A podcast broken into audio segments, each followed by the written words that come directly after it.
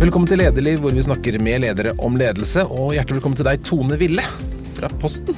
Takk for det. Du, eh, nå har du kommet til postnummer 0191 Oslo. Det har vi her. Ok, ja. Jeg regner med at du holder orden på alle postnumrene. Ikke så godt som mine medarbeidere, kanskje, men til en viss grad. Du har altså vært eh, konsernsjef i Posten i tre år, og så var du konserndirektør, CFO, før det. Og, men jeg skjønner at du er jo da ikke en gammel postmedarbeider i forhold til mange andre? Nei, det er ikke det. Jeg har vært i Posten totalt sett nå i ca. 13 år. Og det er kort sammenlignet med mange andre. Eh, Vi eh, har veldig mange som har vært lenge i Posten. Vi hadde en jubileumsfest tidligere i høst. Der hadde vi hele 15 50-årsjubilanter. Og vi hadde 350 ca. som hadde vært i Posten 25, 40 eller 50 år. Så det er mange som har lang ensiditet i Posten. Så Posten er livet for veldig mange? Ja, det er nok det. Var vel kanskje det enda mer før, da man tok opp mange hvert år som gikk på postskolen og, og traff hverandre og, og, bygget en veldig sterk kultur. da. Så det er en veldig sterk kultur, øh, og for mange er det nok en stor del av livet. Og dere er en stor gjeng, 14 000 medarbeidere, ca. 24 milliarder i omsetning. Ja, det stemmer. Og har holdt på en stund. Vi har holdt på i 372 år. Eh, Ikke helt samme form som i dag, men, eh, men det har vi. Og, og jeg vil si at noe av det som har kjennetegnet oss, er jo at vi har vært i forkant av utviklingen i alle de årene. Eh, Det som mange kanskje ikke vet, er at Posten kjøpte de første to dampskipene i Norge i 1826. Vi var med på den første jernbanen til Eidsvoll i 1853, og vi var med på den første kommersielle flyruta. Så vi har vært i forkant av å bruke ny teknologi for å få Posten raskest mulig frem eh, bestandig. Spennende. Men det blir vanskeligere fremover, da. Men eh, det um, føltes det liksom som et veldig stort ansvar å gå inn i den rollen i en sånn enormt tradisjonsrik virksomhet? Ja, det er klart det gjør det. Og, og jeg tror vel at uansett hva slags sjefsrolle man går inn i, så er det jo eh, et stort ansvar. Og, og det er en stor endring fra å være på nivå to da, i en stor organisasjon til å bli sjef for hele organisasjonen. Det er jo det. Ja, hva er den største forskjellen å gå det, det siste skrittet opp? Ja, eh, ja, hvordan skal jeg sette ord på det? Altså, man, man får jo mer oppmerksomhet. Man er mer alene. Eh, man, eh, det er ikke alle ting man kan diskutere med sine kollegaer. Eh, og det er jo et helt annet hva skal vi si, liksom press. Eh, være seg fra media eller stakeholders, styre, andre. Mm. Så det er en helt annen hverdag, altså. Så kom du på listen over Norges mektigste kvinner og sånn. Ja, det, det gjorde jeg også, visst. Hvordan, hvordan føles det? Føler du deg som en av Norges mektigste kvinner? Nei, Det tenker jeg ikke noe særlig på i hverdagen. Eh, Men jeg syns jeg har en veldig spennende jobb, og tenker at noe av det som driver meg til den, er jo å kunne være med å gjøre en forskjell for mange. Både for mange ansatte som skal ha tro på fremtiden i, i vår virksomhet, og fordi at Posten er en viktig samfunnsinstitusjon som er i en stor endring. Så mm, det er jo spennende å kunne være med å påvirke. Da du tiltrådte for eh, tre år siden, så sa du at Posten står foran krevende omstillinger i takt med økende digitalisering i samfunnet. Er det det som fyller dagen din stort sett, å omstille? Ja, det er jo mye det. Altså Endring er jo en del av hverdagen, en del av normalen. Og, og jeg tror hvis vi ser litt tilbake på Postens historie, da, så, så eh, startet vel kanskje de største omstillingene for rundt 20-25 år siden, da man gikk fra forvaltning til forretning, og så begynte brevvolumene å falle rundt årtusenskiftet, og etter det så har vi mistet rundt 70% av brevvolumene. Ca. en milliard brevsendinger i året. Eh, og det gjør jo noe med en virksomhet når eh, volumene i kjernevirksomheten faller med 70% på kort tid, eller relativt sett kort tid. da.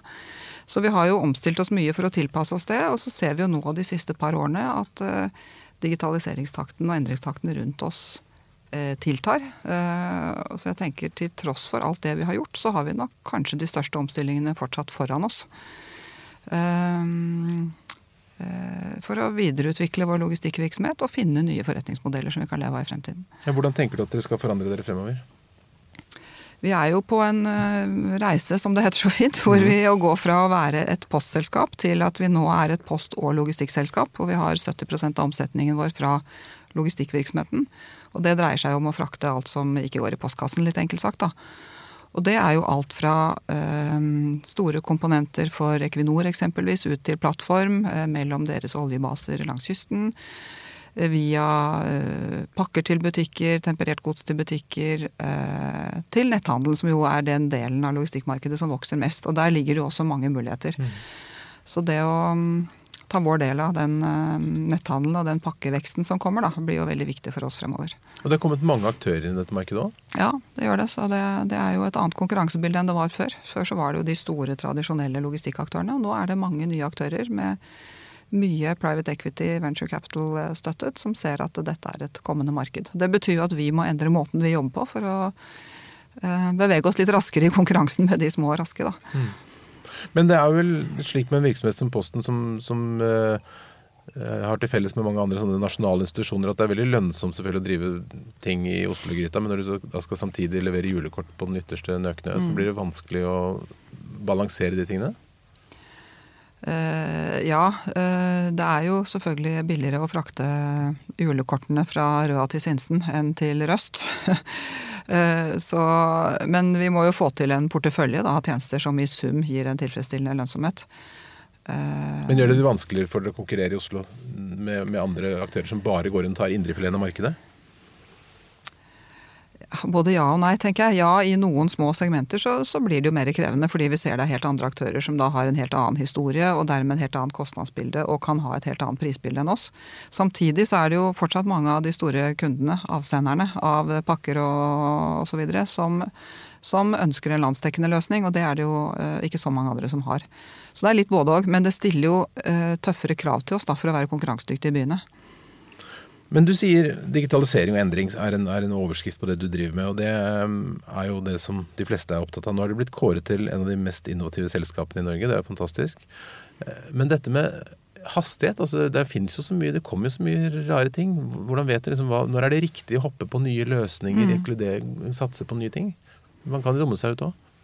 Ja, og det må man vel tørre å ta sjansen på. Og først vil jeg bare si at vi ble faktisk i år kåret til det mest innovative selskapet i Norge. Fantastisk. av en fagjury. Og det er vi jo veldig stolte av. Eh, det er eh, mange internt som skal ha æren for det. For det er jo både de som jobber med tjenesteutvikling og, og digital innovasjon, og så er det jo postbud og sjåfører som er med og tester nye tjenester. Så det går liksom over hele spekteret.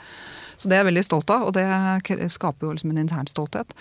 Men det er jo ikke så lett å vite alltid når man skal um, kaste seg på noe nytt. Men, men, noe av det vi har gjort nå, da, er at vi har endret vår arbeidsmetodikk når det gjelder utviklingsarbeid, til å bli mye flinkere til å uh, teste, skape innsikt, uh, spørre kundene i en tidlig fase. Tidligere så jobbet vi mer tradisjonelt med en sånn prosjektmetodikk hvor man lager et omfattende business case, man tar en masse forutsetninger, man tror man har en idé om hva kundene vil ha. Og så tok vi en beslutning. Nå har vi sagt at vi må først ha en sånn utforskerfase hvor vi hvor vi basert på noen enkle, enkle ja, piloter, eksempler, går ut og snakker med kundene for å høre hva de vil ha.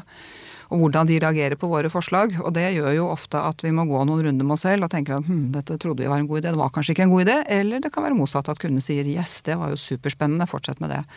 Så det å, å tillate seg å prøve og feile i en tidlig fase da, for å skape, skaffe mer innsikt, det tror jeg, tror jeg, i hvert fall er nøkkelen til å ta bedre beslutninger når det mm. gjelder hva kundene vil ha. Men de endringene og digitalisering som dere setter i verk, er det ting som eh, primært si, skjer, skjer bak kulissene for å gjøre ting effektivt, eller er det noe som jeg som kunde kommer til å merke? Det er begge deler. Altså Det vi har gjort historisk, har vært mye bak kulissene. Vi har gjort veldig mye når det gjelder omstilling av postvirksomheten vår. For det er klart Norge er et av de landene i verden som har hatt størst brevvolumfall. Samtidig som vi har eh, kanskje lavest, eller blant de som har lavest befolkningstetthet og lange avstander. Så det har tvunget seg frem. Så der har vi gjort mye, og det merker jo ikke du så mye til som kunde. Men vi har de senere årene også vært veldig opptatt av tjenesteutviklingen for at du som kunde skal få en uh, enklere hverdag. Visjonen vår er jo å gjøre hverdagen enklere og verden mindre for kundene våre. Um, verden mindre, er det mange som lurer på. Det handler om at mange handler på nettet fra hele mm. verden, og de skal oppleve at det er enkelt å få det hjem. Mm. Uh, så vi har jo lansert noen nye tjenester de siste årene med Nå kan du kjøpe digitalt frimerke på nettet, sende fra egen postkasse. Uh, du kan få levert varene innenfor døren hvis du har en digital dørlås. Alternativt så kan du velge hvor du vil ha varen satt, hvis ikke du er hjemme når postbudet eller sjåføren kommer. Eh, så det å utvikle nye tjenester som skal gi eh, kundene og mottakerne spesielt da større valgfrihet, det jobber vi jo mye med nå. For det tror vi blir viktig i fremtiden. At, eh, at vi får til kombinasjonen med et industrielt nettverk og produksjon, men at kundene opplever at de har valgfrihet og fleksibilitet for hvordan de skal motta det de har eh, bestilt. Og Det er jo utrolig gøy med nye ting. Altså I fjor så prøvde vi hjemme dette med julekort. Ville alle julekortene i egen ja, postkasse. Ja, kom postbudet og ordna alt sammen. Fantastisk. Ja. Altså. Veldig godt å høre at du har prøvd det. Ja. men, men, det tar jo En ting er at dere utvikler tjenesten, men jeg tror, jeg tror, ikke jeg var tidlig ute. Det tar jo lang tid å oppfange. Altså, jeg tror ikke folk får med seg alt. Det er kanskje en utfordring. Ja, det er nok en utfordring å nå ut med hvor mye Posten gjør. Eh, Og vi, eh, vi markedsfører eh, etter beste evne, men, men, det er klart vi er en lavmarginbransje, så vi har ikke veldig store markedsbudsjetter eh, sammenlignet med en del andre. Eh, men vi kommuniserer nå ut etter beste evne. Da. Sosiale medier og litt markedsføring. Og, og eh, håper jo at det etter hvert eh, sprer seg. Men dere har kuttet litt i postombæringen. Det er, ikke, det er ikke alle steder hvor man får post hver dag lenger? Eh, jo, sånn som det er nå, så får man post fem dager i uken i hele landet. Så lørdagen ble jo kuttet for noen år siden. Mm.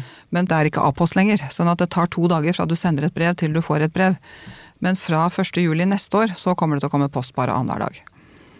I hele landet. Sånn i utgangspunktet. Mm. Og hva oppnår dere med det? Da oppnår vi at eh, vi eh, reduserer kostnadene våre betydelig. Nå er det jo sånn at hver husstand i Norge får i dag i snitt ca. tre brev i uka. Og da er det ikke bærekraftig, verken økonomisk eller miljømessig, å ha et distribusjonsnett hvor vi må kjøre til alle postkassene i Norge fem dager i uka for å levere de tre brevene.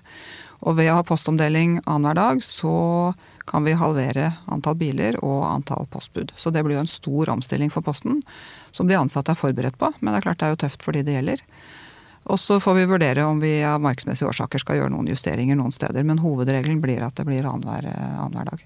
Men det å kommunisere det internt nå skal vi kutte det vil si også, Det er selvfølgelig bra da, for lønnsomhet og miljø, som du sier, men mm. så det jo, går det utover arbeidsplasser. Hvordan mm. håndterer du det? Vi har, vi har, gjennom veldig mange år og alle de omstillingene vi har vært gjennom, så har vi hatt en veldig åpen dialog internt om hvordan vi ser på fremtidene, fremtidsutsiktene. Både med de ansattes organisasjoner og med de ansatte sånn generelt. Så det at vi har planlagt denne omleggingen til annenhver dag og tatt til orde for at vi tror det er nødvendig, det har vi snakket om nå i hvert fall i et par år. Og så ble det besluttet endelig av Stortinget i juni en lovendring som åpner for det. For det er lovpålagt i dag å gå fem dager i uken. Så de ansatte er jo forberedt på det, så det kommer ikke som en overraskelse. Og så er det klart det er jo tøft for de det gjelder uansett. Men, eh, men jeg tror det er viktig da at folk får tid til å forberede seg både mentalt og rent praktisk på hva de da skal gjøre den dagen de ikke har den jobben lenger. Og vi har jo faktisk gjennom de siste 25-30 mm, årene nedbemannet fra rundt 30 000 i den norske postvirksomheten. Og i postvirksomheten i dag er vi rundt 6500. Uh, og det har vi gjort uten støy og arbeidskonflikter, og det er vi veldig stolte av. Men det handler jo mye om at vi har hatt en god dialog med de ansattes organisasjoner. Og uh, hva skal jeg si, brukt tid på omstilling og omstilt i tide. Uh, så, så, jeg tror åpenhet rundt utfordringene og det som kommer, tror jeg har vært en viktig nøkkel i den sammenheng. Jeg ser at du bl.a. i forbindelse med innføring av ny visjon. Så det la dere en del arbeid i med denne 'Vi gjør hverdagen enklere og verden mindre', og du, mm. blogget og, og, laget film og litt av hvert. Hvor mye mm. betyr en visjon for deg som leder når du skal drive Posten? Ja, jeg tror det er viktig. Det er viktig for meg som leder, og så tror jeg det er eh, enda viktigere for de ansatte å, å ha noe å, å, styre etter, på en måte. Jeg tror eh, vi legger jo strategiplaner, vi som alle andre, og så skjer endringer nå så fort at jeg tror de blir litt raske, de blir fortere utdatert enn de var. Og da tror jeg man må ha sånn, noe som gir litt retning for organisasjonen. Da. Og da jobbet vi en del med det eh, i konsernledelsen og, og, i organisasjonen, vil jeg si. For dette var ikke bare, bare toppledelsen som var involvert i. Eh, ja, som et utgangspunkt for å sette en retning, så endret vi visjonen vår, og vi justerte også litt på verdiene våre. Og jeg tenker at det, ja, det er et godt liksom, kompass i hverdagen. Da. Det er det vi skal styre mot. Og gjøre hverdagen enklere for kundene våre. Hva gjør du for å få visjonen og verdiene til å leve ut i organisasjonen? Da må vi kommunisere mange ganger. Ja. I ulike kanaler. Eh, altså den viktigste kommunikasjonskanalen internt er jo lederlinjen. Så det er viktig å sette lederlinjen i stand til å kommunisere og, og forklare da, hva betyr dette, hva mener vi med dette.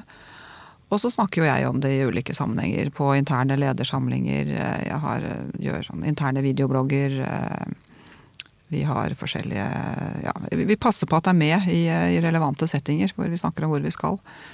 Så setter det seg stort sett etter hvert. Og så tror jeg det vi var opptatt av denne gangen, var å ha en visjon som også så oss litt fra utsiden og inn, da. Det blir jo veldig lett i en organisasjon at man ser seg selv liksom fra innsiden og ut. Og så tror jeg denne her oppleves som så enkel at det er noe som alle kan forholde seg til. Enten du leverer post eller pakker, eller du programmerer eh, kompliserte eh, produksjonsløsninger. Så, så, er det å gjøre hverdagen enklere, det er noe vi alle kan forholde oss til. Tror du vi kommer til å se noen sånn helt revolusjonerende nyhet? Du kommer til å levere med droner eller sånn i løpet av noen år? Vi, har, vi, ser jo på det, og vi tenker at det er noe vi må utforske. Vi tror vel at det ikke er helt modent ennå. Og så tror jeg ikke vi kommer til å se liksom, droner i storbyene som, i, store mengder som leverer pakker. Men vi har hatt en dialog med bl.a. Eh, Oslo universitetssykehus om, om, vi kan ha en rolle i, i, i forhold til å frakte tidskritiske leveranser med droner. Og så tror jeg ikke Posten skal operere dronene, men vi kan stå for en sånn eh, luft-til-bakke-transport, f.eks. Vi har jo i overkant av 300 distribusjonspunkter rundt i landet som man kan tenke seg kan, hvor kanskje droner kan lande og lette.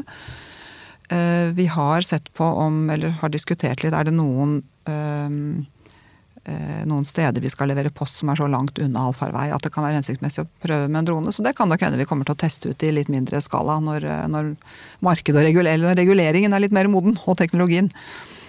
Um, vi tester jo også ut en, en eh, selvkjørende post- og pakkeautomat. Eh, eh, der venter jeg på evalueringen av den. Det tror jeg ikke vi kommer til å se i hele landet, men noen, noen områder så tenker jeg at det kan være egnet.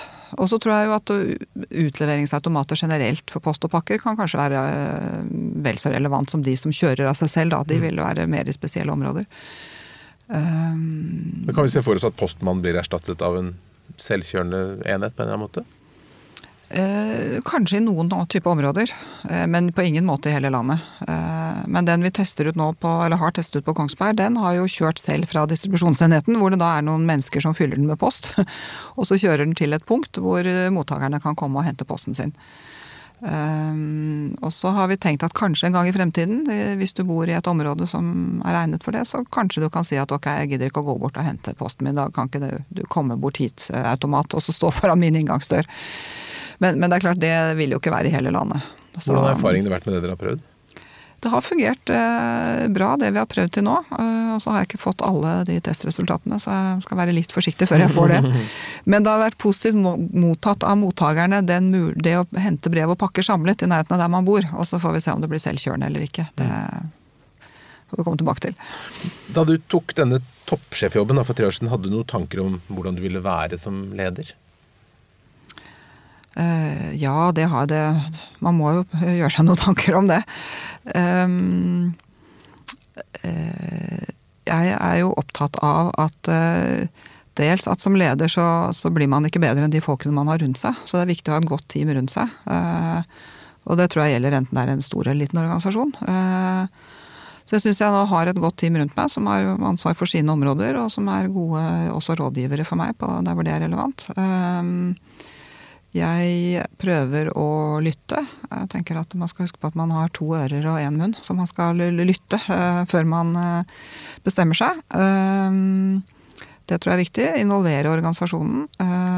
og så må man jo av og til at det ta vanskelige beslutninger. Klart De blir ekstra vanskelige hvis de folkene man har tillit til, ikke er enige om, om de rådene de gir. Så kan jo det være litt vanskelig. Men, men jeg er opptatt av å lytte. Jeg er opptatt av å være synlig, være tydelig på hva jeg vil være involvert i, og hva jeg syns folk eh, kan bestemme uten at jeg er involvert i det. Um, og så kan man sikkert alltid jobbe med å bli en bedre versjon av seg selv. Men med en så stor organisasjon så må det være utrolig stor etterspørsel.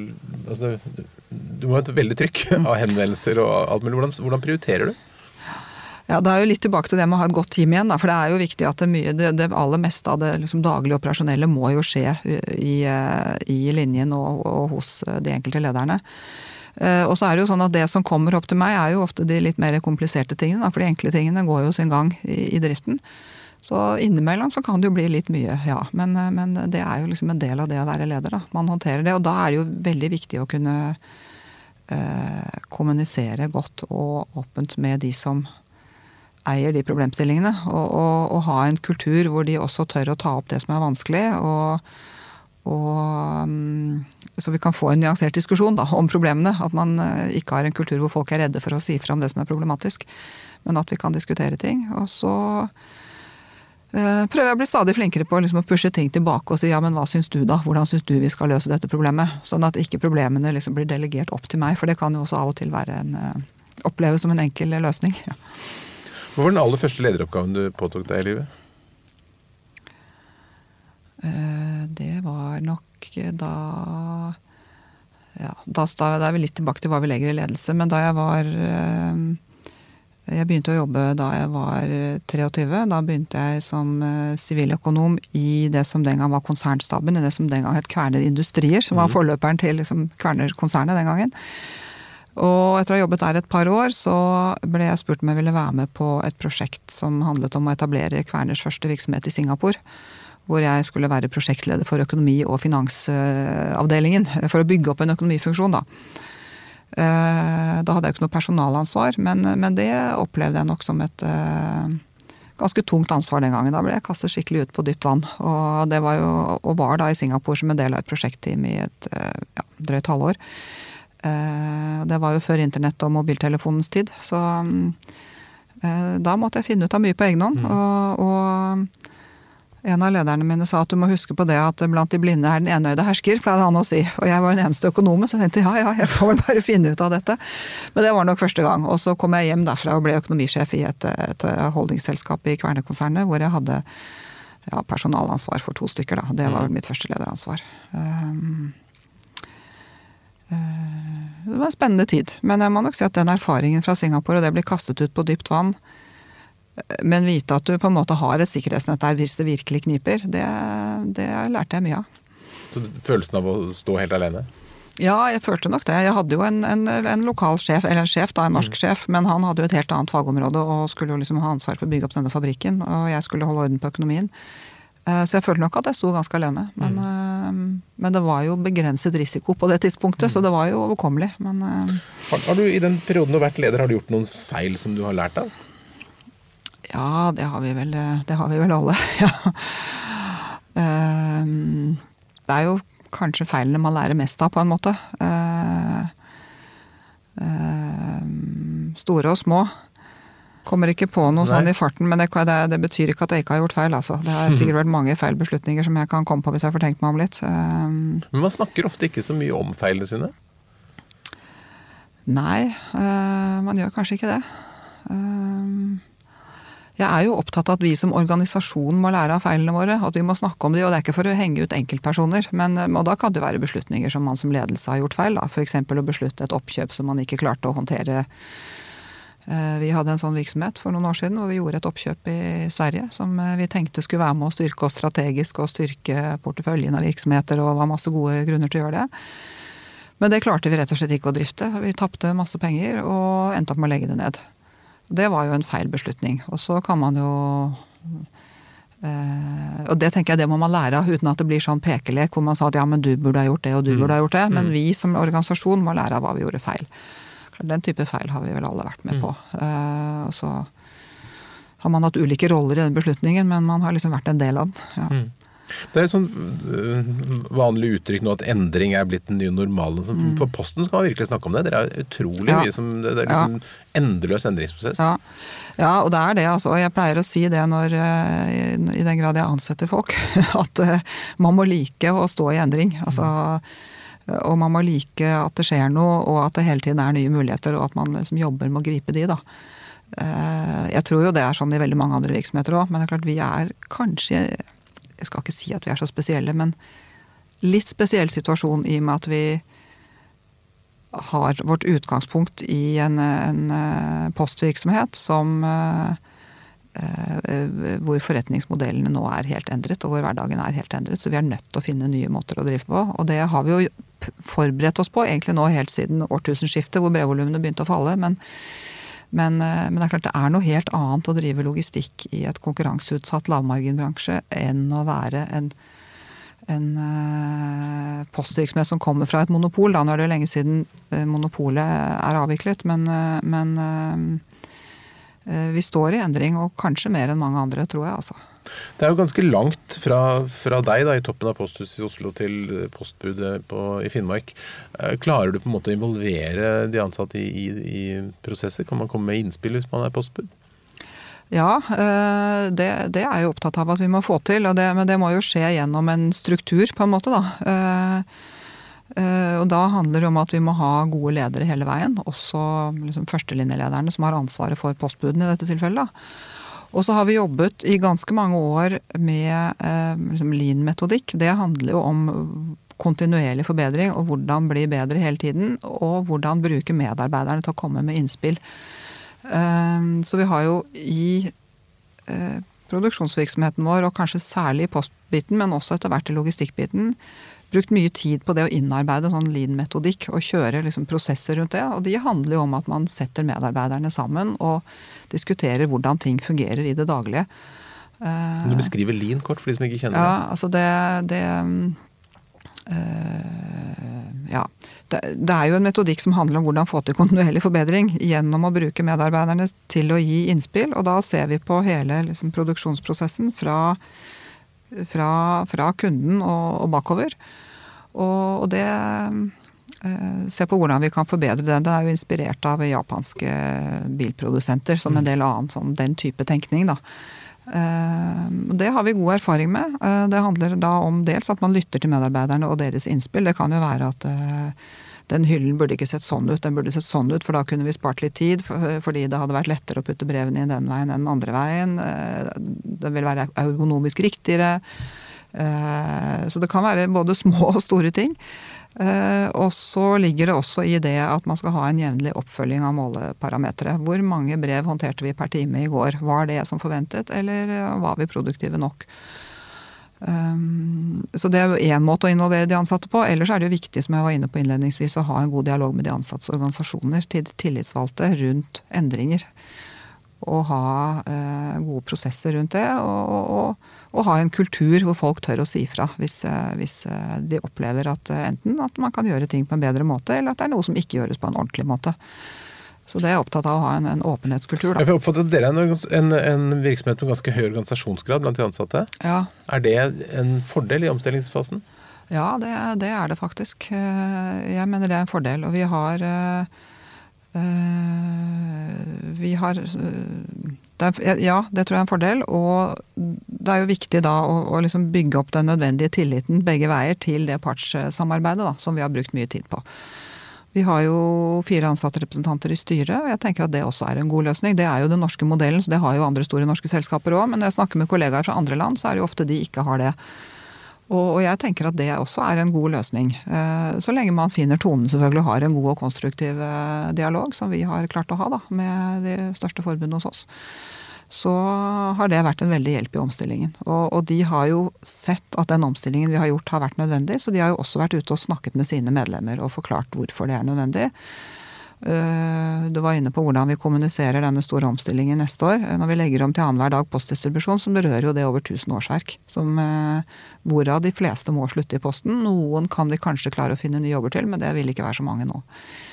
Eh, og da har jo fagforeningen eh, Postkom, da, som organiserer de fleste av de postansatte, også vært ute og snakket og forklart hvorfor dette er nødvendig.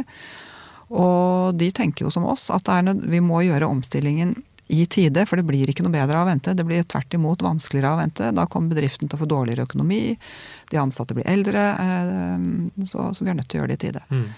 Så, en av håper si, gledene ved å være toppsjef er at du får sånne oppslag av typen Posten konsernsjef håver inn at du tjener masse penger. Ja. Sånn. Syns, du, syns, du, det er vanskelig når du skal da, si opp 1000 stykker og så tjene ganske godt selv?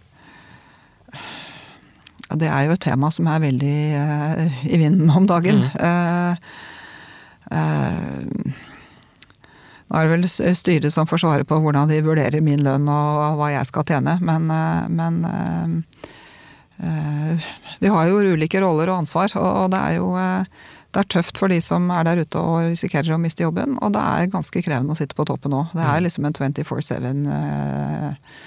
365 eh, dager i, i, året. Og så mm. får jo styret vurdere hva de syns det er verdt å betale, da. Men, men det er jo et det er jo, Man kan ikke gå hjem fra jobben og tenke at nå har jeg fri i kveld. og Eh, bare være sosial, for å si det sånn. Det er, det er en annen hverdag, altså. Det, det... Venter du mye kjeft neste år i forbindelse med nedbemanning? Nei, det gjør jeg faktisk ikke. Eh, jeg venter ikke mye kjeft pga. nedbemanningen, for den tror jeg de ansatte er så forberedt på. Eh, men det blir sikkert litt kjeft fordi noen opplever det som et redusert servicenivå.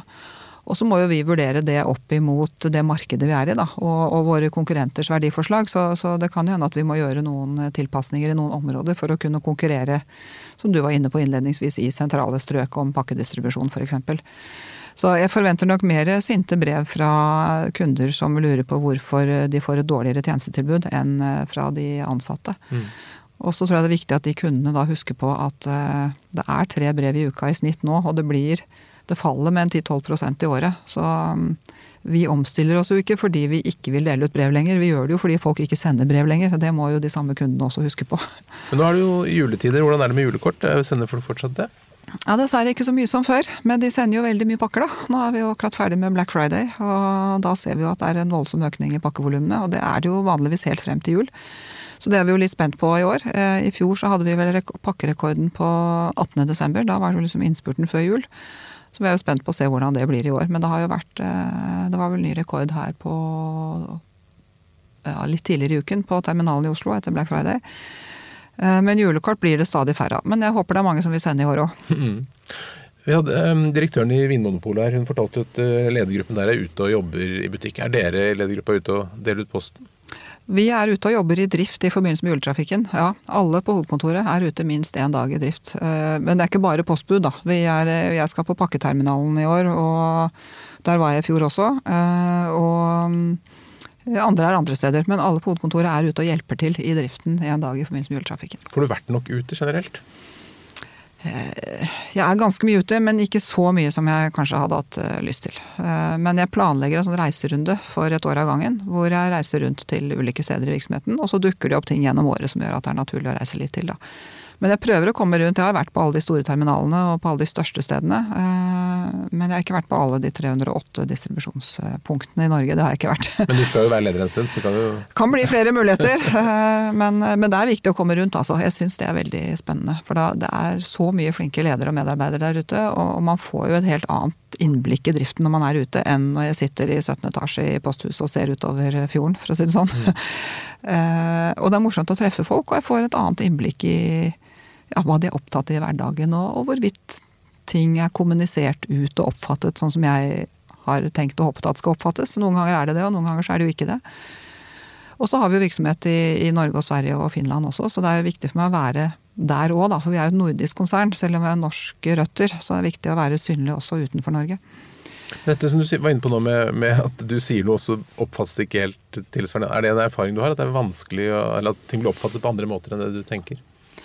Jeg oppfatter nok at det iblant er vanskelig å nå helt ut. Og det snakker vi jo en del om i ulike lederfora. Hvordan skal vi få til det? Og at det er eh, Lederne på alle nivåer har jo et ansvar for å liksom oversette de budskapene som kommer fra meg og konsernledelsen mm. til sin målgruppe, og ta det helt ut.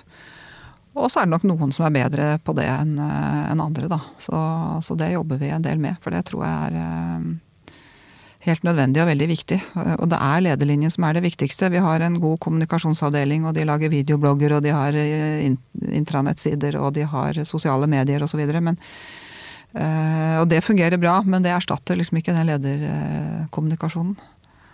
I dag har du på deg en sånn fin bærekraftpinn på jakkeslaget. Ja, ja. Hvor mye betyr eh, bærekraft for Posten? Det er en viktig del av det vi driver med. Eh, vi er jo en stor transportaktør. Eh, transportsektoren står for 30% av utslippene i ikke-kvotepliktig sektor, som heter i Norge. Mm. Og det betyr jo at vi er både en del av problemet og en del av løsningen. Og postsektoren var tidlig ute med å jobbe med klima og miljøet spesielt. Da. I 2008 så satte vi oss, vi sammen med en rekke andre postselskap, oss mål om å kutte utslippene våre. Og de har vi nå kuttet med over 40% Målet var å kutte 40% innen 2020. Uh, nå har vi satt oss et nytt mål om å bli fornybar. Uh, kun, bruke kun fornybare energikilder innen 2025. Og det er jo ambisiøst, for man har ikke den teknologien på tung, tunge kjøretøy ennå. Men jeg tenker at det er viktig, både fordi vi er en del av, av problemet og dermed en del av løsningen på klimasiden. Men jeg tror det er viktigere også for når vi snakker om rekruttering, beholde flinke folk. Eh, så vi har prioritert fire av FNs bærekraftsmål som er spesielt viktige for oss, og to av de handler om miljø og klima. Og så er det ett som handler om anstendig arbeidsliv, og så er det ett som handler om innovasjon og infrastruktur. Vi er en stor arbeidsgiver, vi skal drive ordentlig, ha anstendige arbeidsvilkår. Vi har et ansvar i en hel verdikjede. Eh, klart I transportbransjen så har det jo vært litt sånn ulike holdninger til hvordan man skal drive. Vi er opptatt av å drive ordentlig, og har et ansvar for det. Eh, og jeg er opptatt av innovasjon og utvikling, da. Eh, så det var også et naturlig mål å ha med. Mm. Og vi opplever jo i mye større grad enn før også at unge mennesker som vi prøver å ansette, er opptatt av at virksomheten drives på en bærekraftig måte. Og jeg tenker Vi har vært her i 372 år, og skal vi være her i mange år til, så må vi drive bærekraftig. Det handler om langsiktig levedyktighet.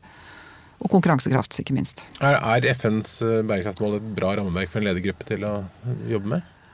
Ja, jeg syns det har vært det. For oss det har vært en bra sånn Jeg tror det er et bra rammeverk, liksom, hva skal man si, for verden generelt, da. Mm. Men, men, jeg tror for oss også at det har vært nyttig å gjøre en prioritering og si hvor kan vi gjøre størst forskjell?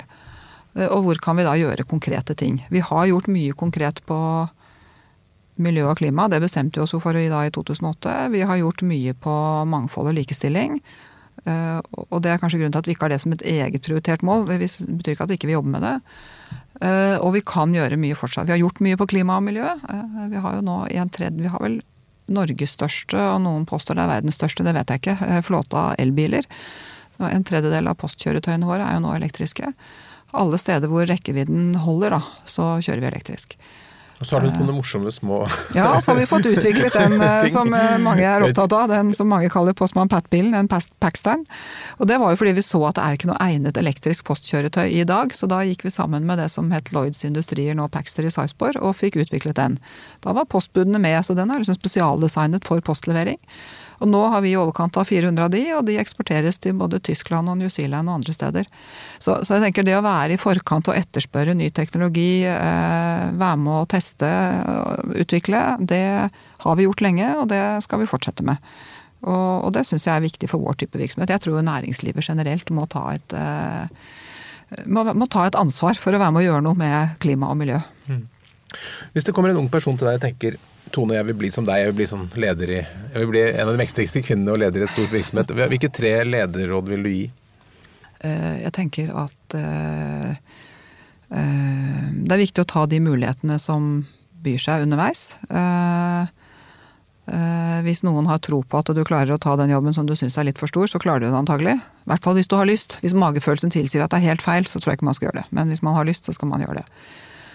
Eh, og så tror jeg det er viktig å være seg selv, men å være bevisst på hvordan man blir oppfattet og kommuniserer og hva som skal til for å mestre en jobb. Men man må liksom bygge på den man er, man må ikke prøve å være en annen. Jeg kan ikke være Petter Stordalen på scenen, jeg må liksom være meg, og så kan jeg jobbe med å bli en bedre versjon av meg selv. Um, ja, og det siste, hva skal det være da?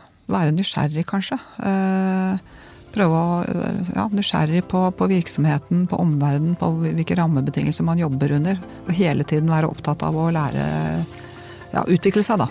Tror jeg er viktig. Tone Wille, tusen takk for at du kom til Lederliv. Takk skal du ha. Lederliv er en podkast fra Apeland. Redaksjonen består av Ellen Paulsen, Lars Jarle Melum, Lars Volden og meg, som heter Ole Kristian Apeland. Hvis du vil høre mer, så trykk abonner. Da får du varsel når det kommer nye episoder. Og hvis du har noen tips, så send en e-post til tips.gledelig eller til meg, ole.apeland.no. Takk for at du lytter.